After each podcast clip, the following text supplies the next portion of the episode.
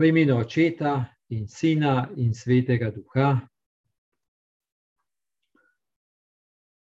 Ker vemo, da je skrivnost Božje besede ta, da se nam Božja beseda odstre, odpre, spregovori, in da je to sveti duh, ki to dela, torej v tem se priporočimo svetemu duhu. Sveti duh, posveti nas, napolnjuj naša srca z gorečim krepenjem po resnici, poti in polnem življenju. Užgi v nas svoj ogen, da ob njem tudi sami postanemo luč, ki sveti, greje in tolaži. Našim okornim jezikom pomagaj najti besede, ki bodo govorile o tvoji ljubezni in lepoti. Preustvari nas, da postanemo ljudje ljubezni, tvoji svetniki, vidne Božje besede. Tako bomo obnovili obliče zemlje in vse bo na novo ustvarjeno. Pridi, sveti duh, posveti nas, okrepi nas, ostani pri nas. Amen. No, poglejmo najprej odlomek.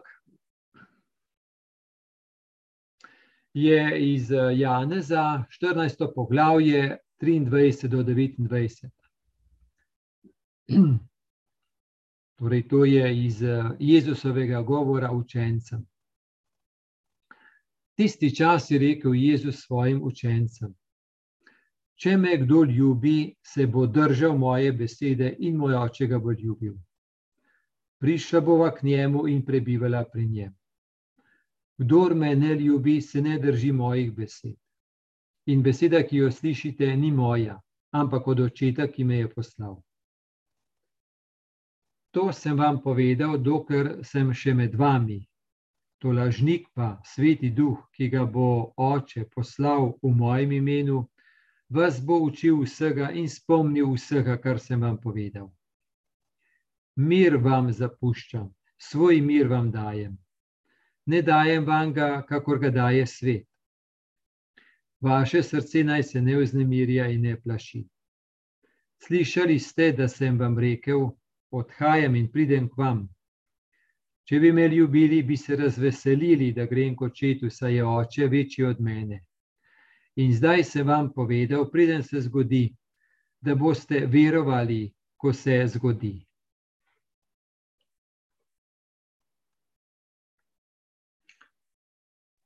No, odlomki, ki jih beremo v teh tednih iz Janezovega evangelija, so kar zahtevni. In Janez ima tako navado, da podaja Jezusove govore na ta način, da precejkrat je eno in isto povedano iz različnih vidikov. Naš odlomek je v sklopu Jezusovih besed ob zadnji večerji, oziroma lahko rečemo neposredno po zadnji večerji. Dejansko so to Jezusovi dolgi poslovilni govori. Naš odlomek tako začne. Tisti čas je rekel Jezus svojim učencem: Če me kdo ljubi, se bo držal moje besede in moj oče ga bo ljubil, prišla bova k njemu in prebivala pri njem.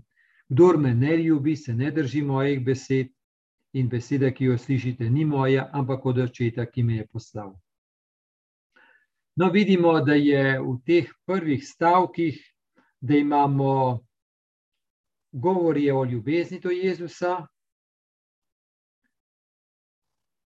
pa o držanju se njegovih besed, pa oče je omenjen, in na drugi strani ne ljubiti Jezusa, ne se držati njegovih besed.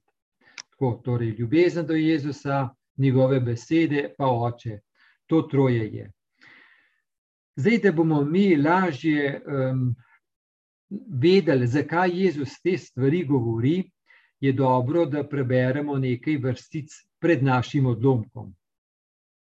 Par vrstic nazaj, tako pravi Jezus.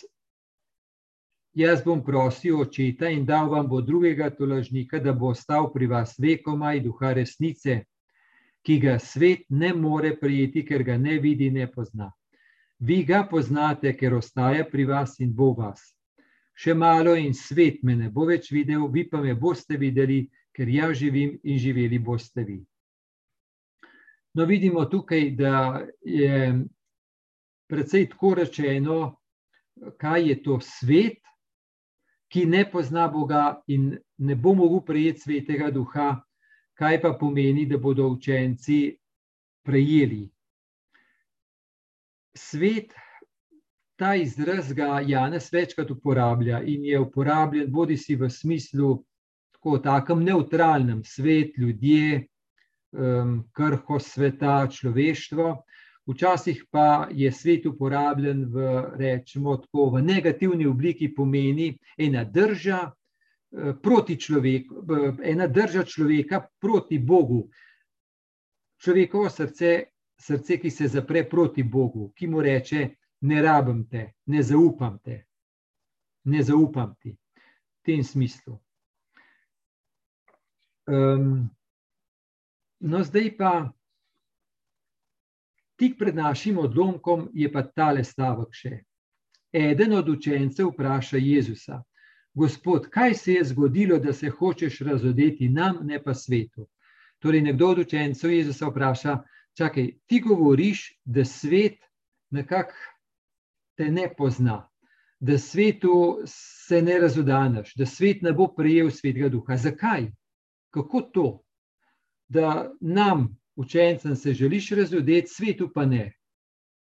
Gospod, kaj se je zgodilo, da se hočeš razodeti nam, ne pa svetu? No, zdaj prisluhnemo, kaj dejansko je to vprašanje pomeni, kaj, to, kaj ta učenc sprašuje. Eno izmed motivov je prav gotovo to, torej to je Jezusov poslovilni govor, pomeni, ta učenec Jezusa vpraša po treh letih, ko je Jezus javno deloval. In to, ne, to se pravi, kaj se je zgodilo, da se hočeš razodeti nam, ne pa svetu, to, pomeni, to je eno tako vprašanje, ki pravi, kako to, da po treh letih, ko si toliko govoril, toliko se razodeval, tolikim ljudem spregovoril, toliki ljudje so videli tvoje čudeže. Kako to, da je tako malo takih, ki si se jim ti lahko razodel, kako da je tako malo takih, ki so te sprejeli. Tukaj nas je malo, tvoji učenci smo.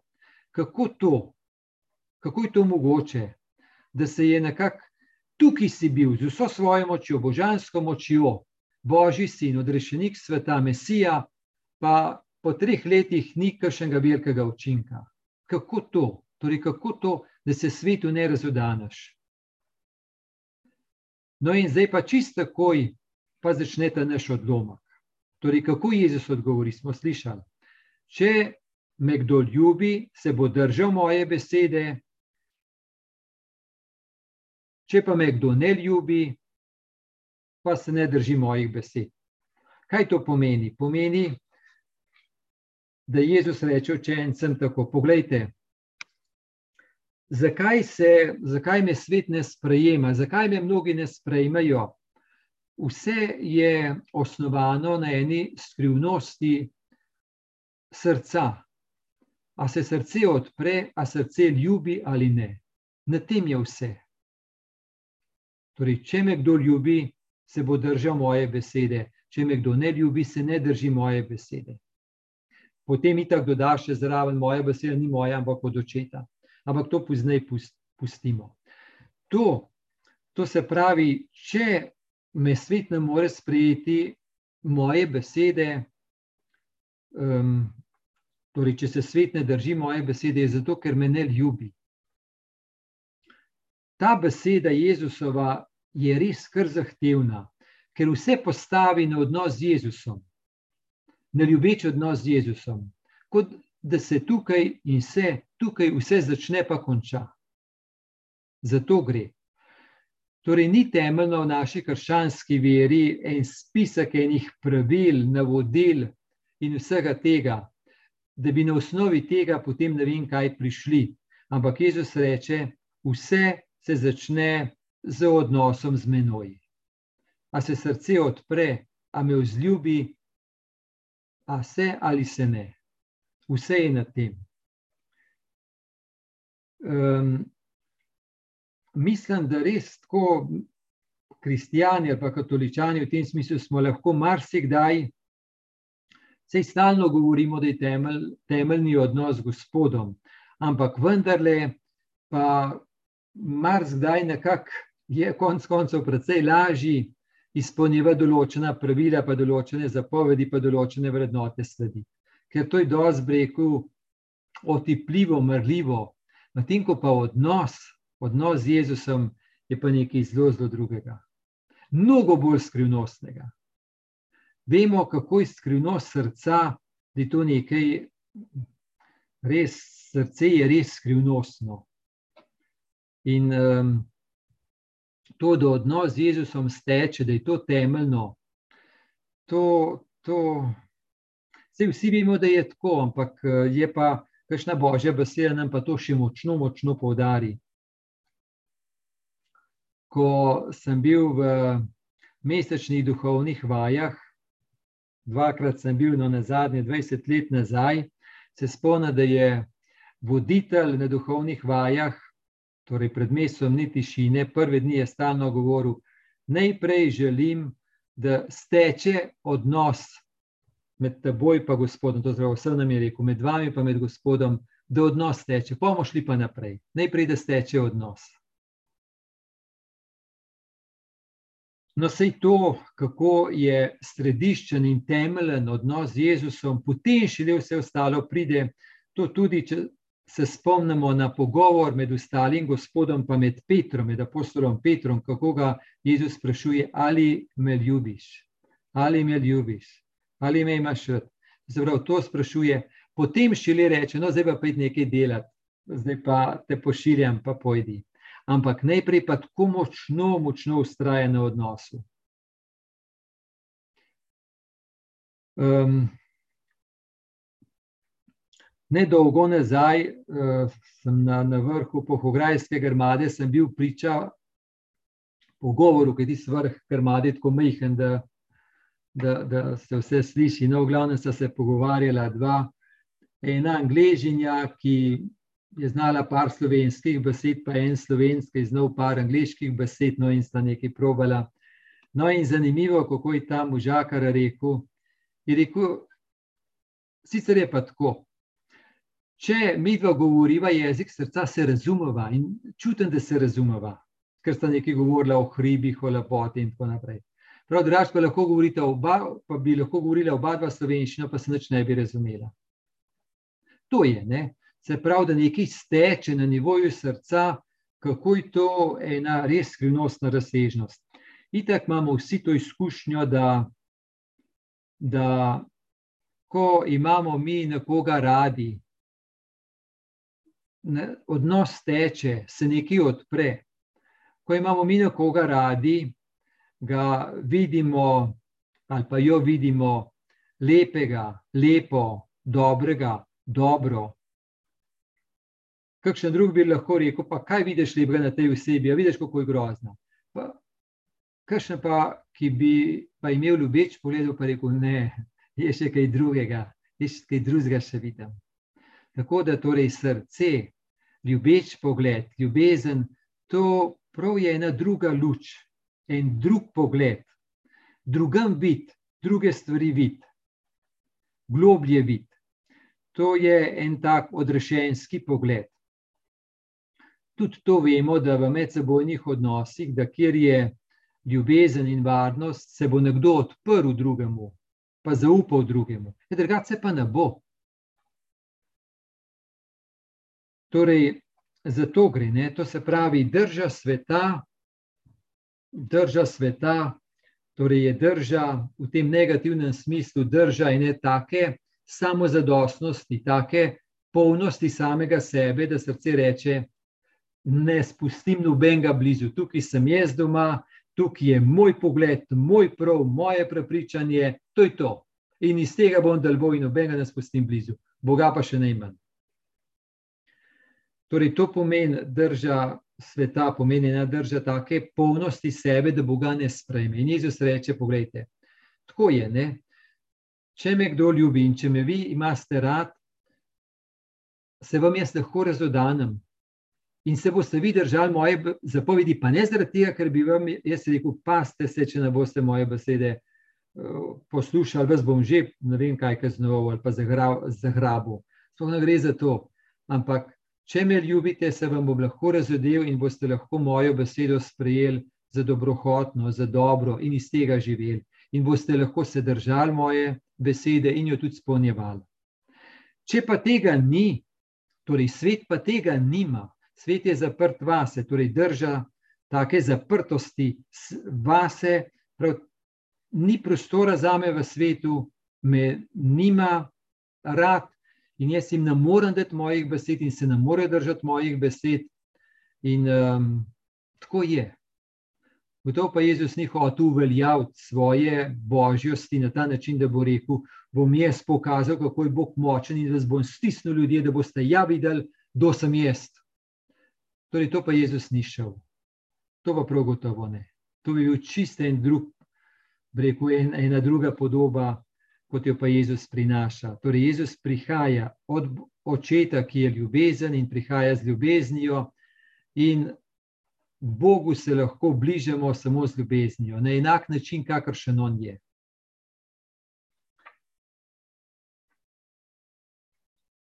No, omenjam močno očeta, torej, kar govorim, ni moja beseda, ampak je očetova beseda. Um, v Janezovem evangeliju Jezus ogromno krat reče: Jaz in oče smo eno, jaz v očetu, oče v meni, oče po meni, v meni. Torej, veliko, veliko tega je. To pomeni v tem smislu, ne, da Jezus da prostor očetu. Jezus ni tako nekako samo zadosten, da bi rekel: O, jaz sem močen, jaz bom nekaj odrešil svet. Ampak Jezus je tako v tem smislu prozoren za očeta, za očetovo voljo, za očetovo ljubezen do človeštva, da lahko po njem vsa očetova ljubezen prisije na ta svet. Obenem je pa Jezus dejavno vključen v tem, s vso svojo svobodo.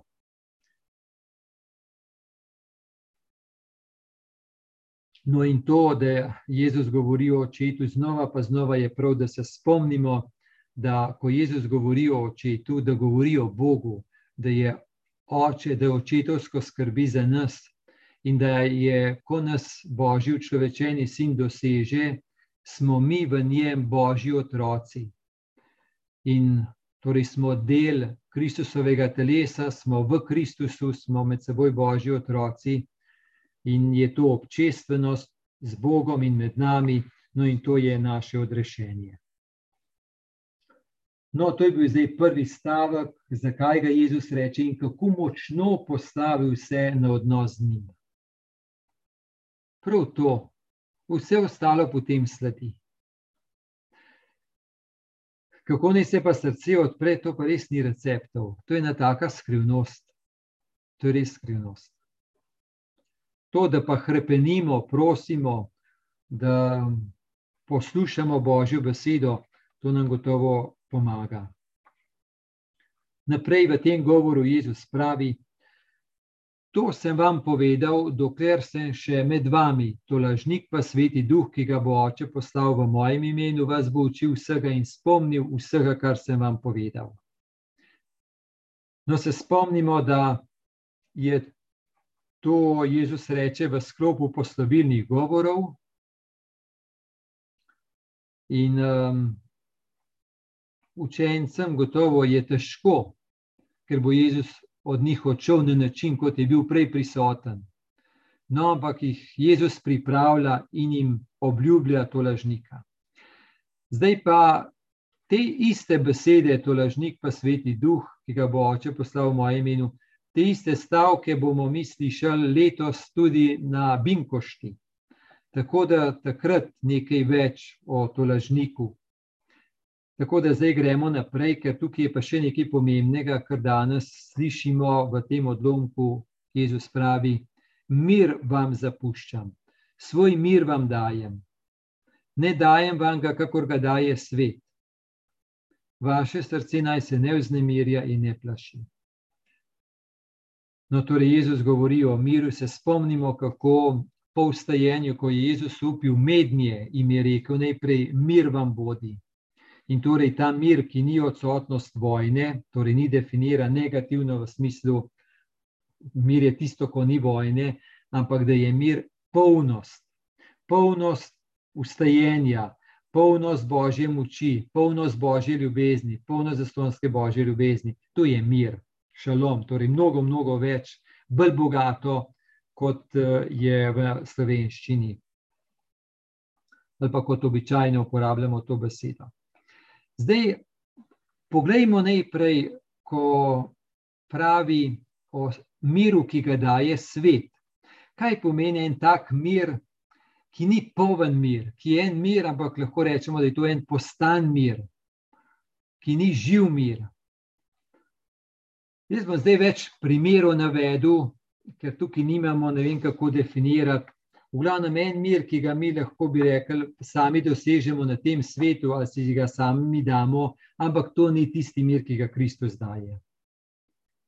No, en primer je lahko to, um, kaj pomeni mir, ko se človek skrije v množici, ko se človek prilagodi množici. Ko človek sprejme ene določene trende, načine um, gledanja, splošne trende, se nekako pusti ukalupiti v to in je miren, res miren. Tako kot drugi gledajo, govorijo, enostavno se človek prilagodi, se stopi v to in je miren.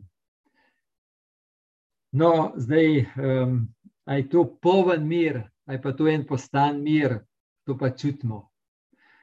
In če gledamo Jezusa, prav gotovo se ni kar stopil v množico, ampak je bil v tako močni navezi z očetom, da na koncu je tako samostal, če učenci so zbežali od njega.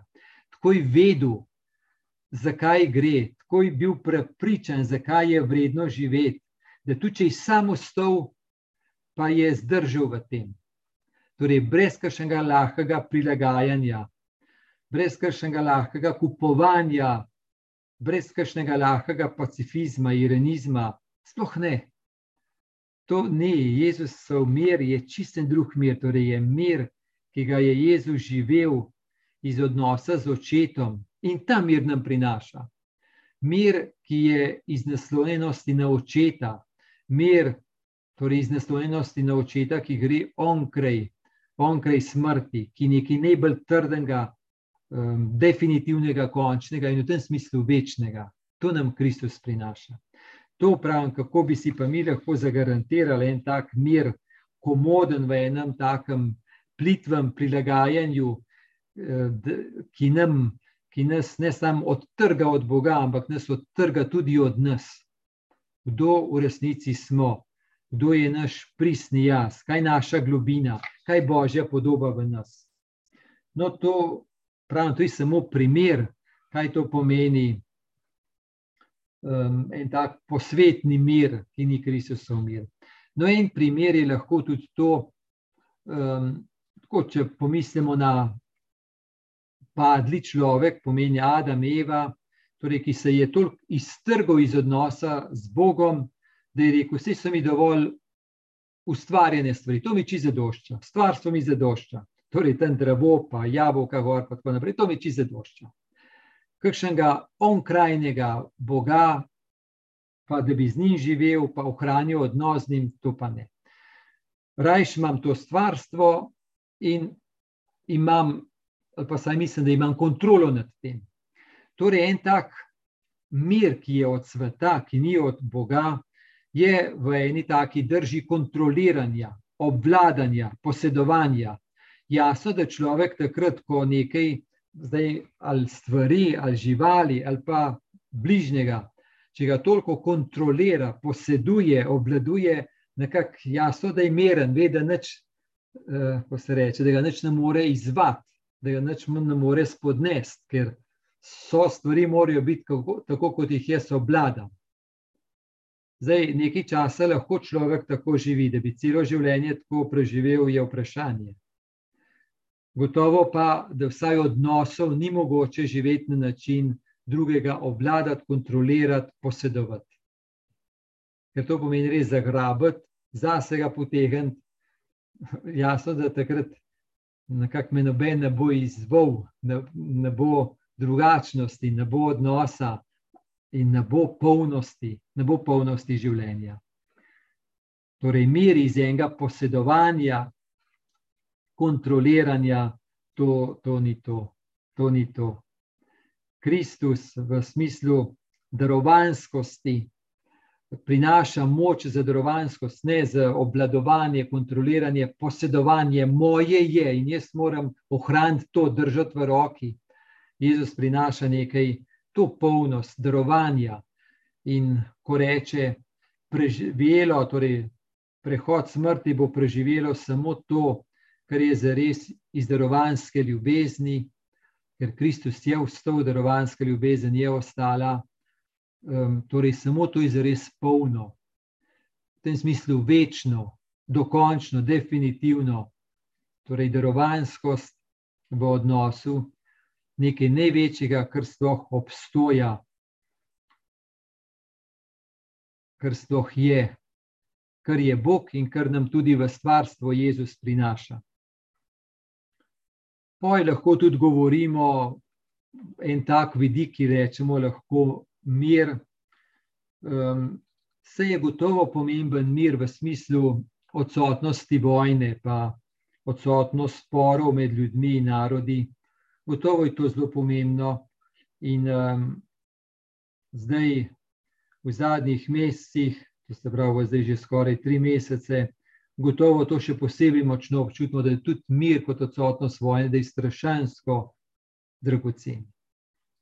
Je pa dobro, da se takoj povprašamo, um, ta mir, vendarle od česa naj se napaja, zakaj ta mir med narodi je lahko tako ogrožen.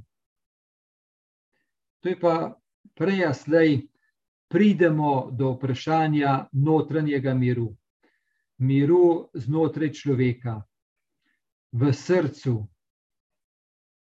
In je to vprašanje, torej Kristusov mir, ki nam ga on prinaša, kjer je ta mir, kakšen je ta mir. In zunani mir, tudi če ni vojne, torej ni dovolj. Ni dovolj, ne, ker obdržati mir, naprimer, vem, za ogromno vojske, to spet ni vse. Kristus prinaša eno, eno odrešenje skozi človekovo srce.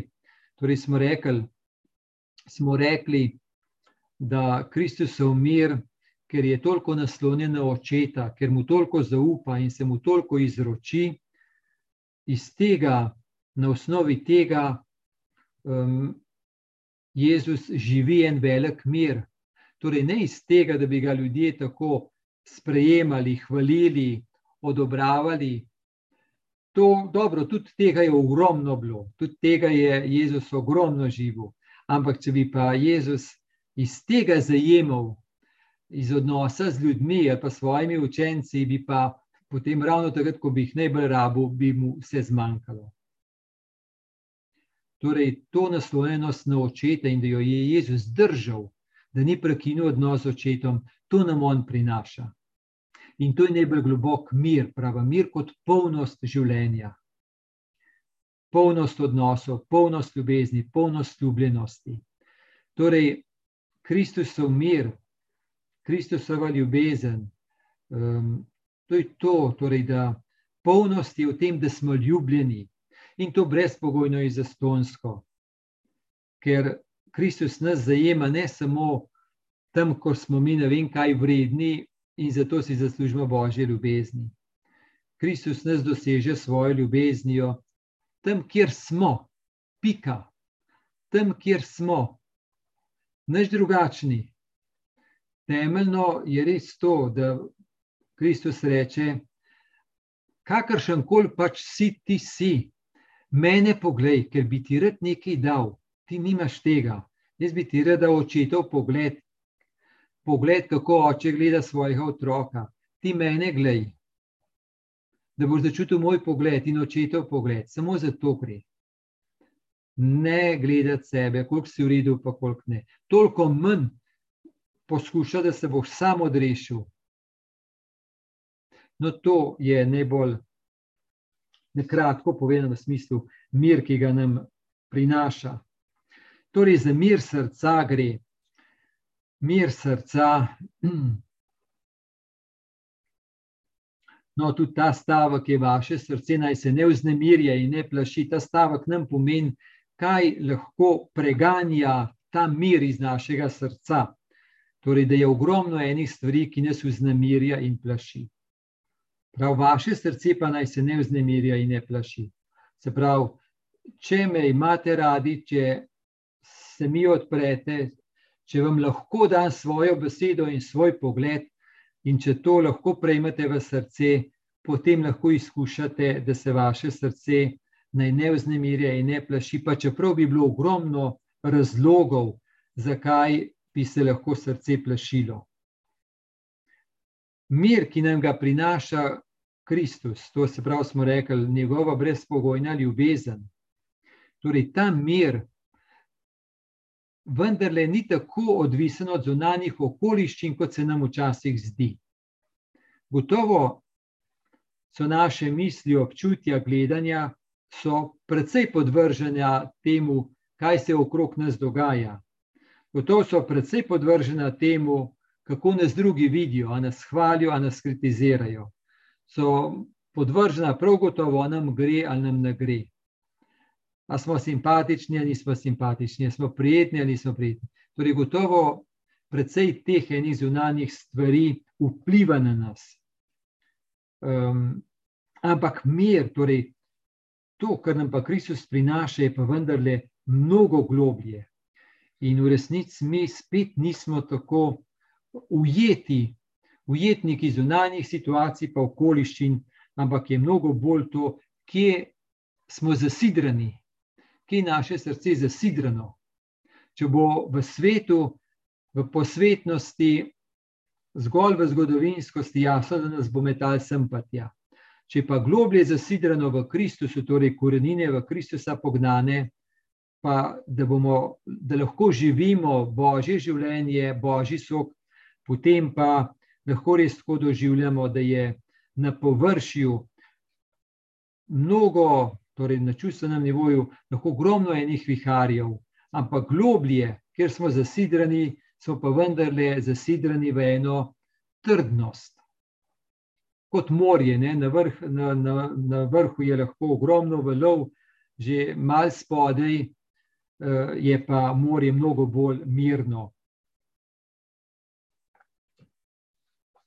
No, bom povedal, ko govorimo o tem miru, se spomnim, da moja pokojna mama je zadnje leta večkrat omenjala to besedo mir. In sicer um, jo je omenjala, bodi si pod tem vidikom, da je rekla, kaj je to veliko vredno, da ima mir v srcu. Prav se srečujem z ljudmi, ki pridejo, pa se veliko pogovarjamo, in koliko jih omenja, kaj vse jim leži na srcu, kaj vse imajo zamero ali do sebe, si ne odpustijo, ali drugim ne odpustijo, ali so konflikti, ali so tako porušeni odnosi. Prav, kako to mora biti težko. Prav to, da pa lahko v srcu živim mir, da sem mirna v srcu, to je pa res, to je pa res dragoceno. To je večkrat tako rekla. No, pa en drug tak vidik mira je, da ona je bila tako do zaskrbljene vrste človek, tako je hiter zaskrbel, kako bo šlo ali ne bo šlo, a se bo išlo tako. Ne? No, ampak potem eh, se pa spomnim, ko je rekla večkrat, prav, ko gledam življenje nazaj, se je bilo mar zdaj zelo težko, ampak vedno se je pa išlo. Prav to me pa res čudi. Se pravi, kako nikoli ni šlo čez mero me je, je tako rekel, bila, bilo skrbi in tega in tega, ampak če pa nazaj gledam, pa res vidim eno božjo roko, eno zaupanje, da kakorkoli je že bilo, da nekako je Bog že poskrbel, pa čeprav je bilo marsikaj težkega. No, kaj lahko še rečemo? U, še en stavek imamo na koncu. Torej, ta stavek je bil o miru, gospodu mir, pa Eh, božji mir, pa bolj tak plitu, posvetni mir. No, potem pa torej ta posvetni mir, ki smo rekli, lahko je bolj negativen kot posedovanje, kontroliranje, lahko je pa tudi tak breg, samo samo reku človeški mir, ki je odsotnost vojne, ni to že vse. In tudi odsotnost vojne, smo rekli, se mora nekje hraniti, da ostane. No, še zadnji stavek. Slišali ste, da sem vam rekel: Odhajam in pridem k vam. Če bi me ljubili, bi se razveselili, da grem kot očetu, saj je oče večji od mene. In zdaj se vam povedal, preden se zgodi, da boste verovali, ko se zgodi. No, tukaj samo to na kratko. Eh, torej, ta čas, ko vidimo, kako Jezus močno priha, svoje učence pripravlja na drugačen način odnosa, pa povezanosti z njim. Torej, eno je bilo, da so bili prej učenci navajeni, da so Jezusa imeli pred seboj, ga videli pred seboj in so bili na ta način z njim. No, zdaj pa ne bo več na ta način z njim. In Jezus reče: Res, jaz odhajam, ampak pridem k vam, ker bo to lažnik prišel, ker, bo, ker bo, boste prijeli svetega duha. Torej jim govori, take povezanosti, kot je bila, jo ne bo več. Ampak s tem ne bo konec povezanosti. Zaupajte, bodite odprti svetmu duhu, pričakujte ga in vam bo dan, oče ga bo poslal zaupajte. In tudi vam, bo, vam je težko, da jaz grem, ampak zaupajte, da če bi me ljubili, bi se razveselili, da grem kot če. Spiti tukaj noter ljubezen, zaneste se na mojo besedo, z vami bom. In mislim, da mi, ko mi se hitro na kaj breku navežemo, ne, pa bi tudi kakšno božjo prisotnost kar hotel se držati, pa fiksirati. Ampak življenje je vedno pa no, novo in novo, in Jezus je vedno in nov, nov in nov, odnos je znova in znova. In je že tako, da znova in znova je prav, da kaj odmremo, izročimo, da prejmemo novo. Ampak to pa lahko prejmemo edino v eni odprtosti srca in velikem zaupanju, da tudi če kaj gre proč, ampak ne gre božja ljubezen proč, Jezus ne gre proč. Način, gre, ampak vendar je vsebina, pa ne. In največja vsebina je Kristusova brezpogojna ljubezen. No, vse to, glede ljubezni, besede, velja za Jezusove učence takrat in tudi za nas, ki smo Jezusovi učenci. Torej, da krepenimo, da zaupamo, da kličemo, da se odpiramo, da prosimo svetega duha, pa bo. In naj vas spremlja Božji blagoslov, blagoslov Boga Očeta in Sina in svetega duha.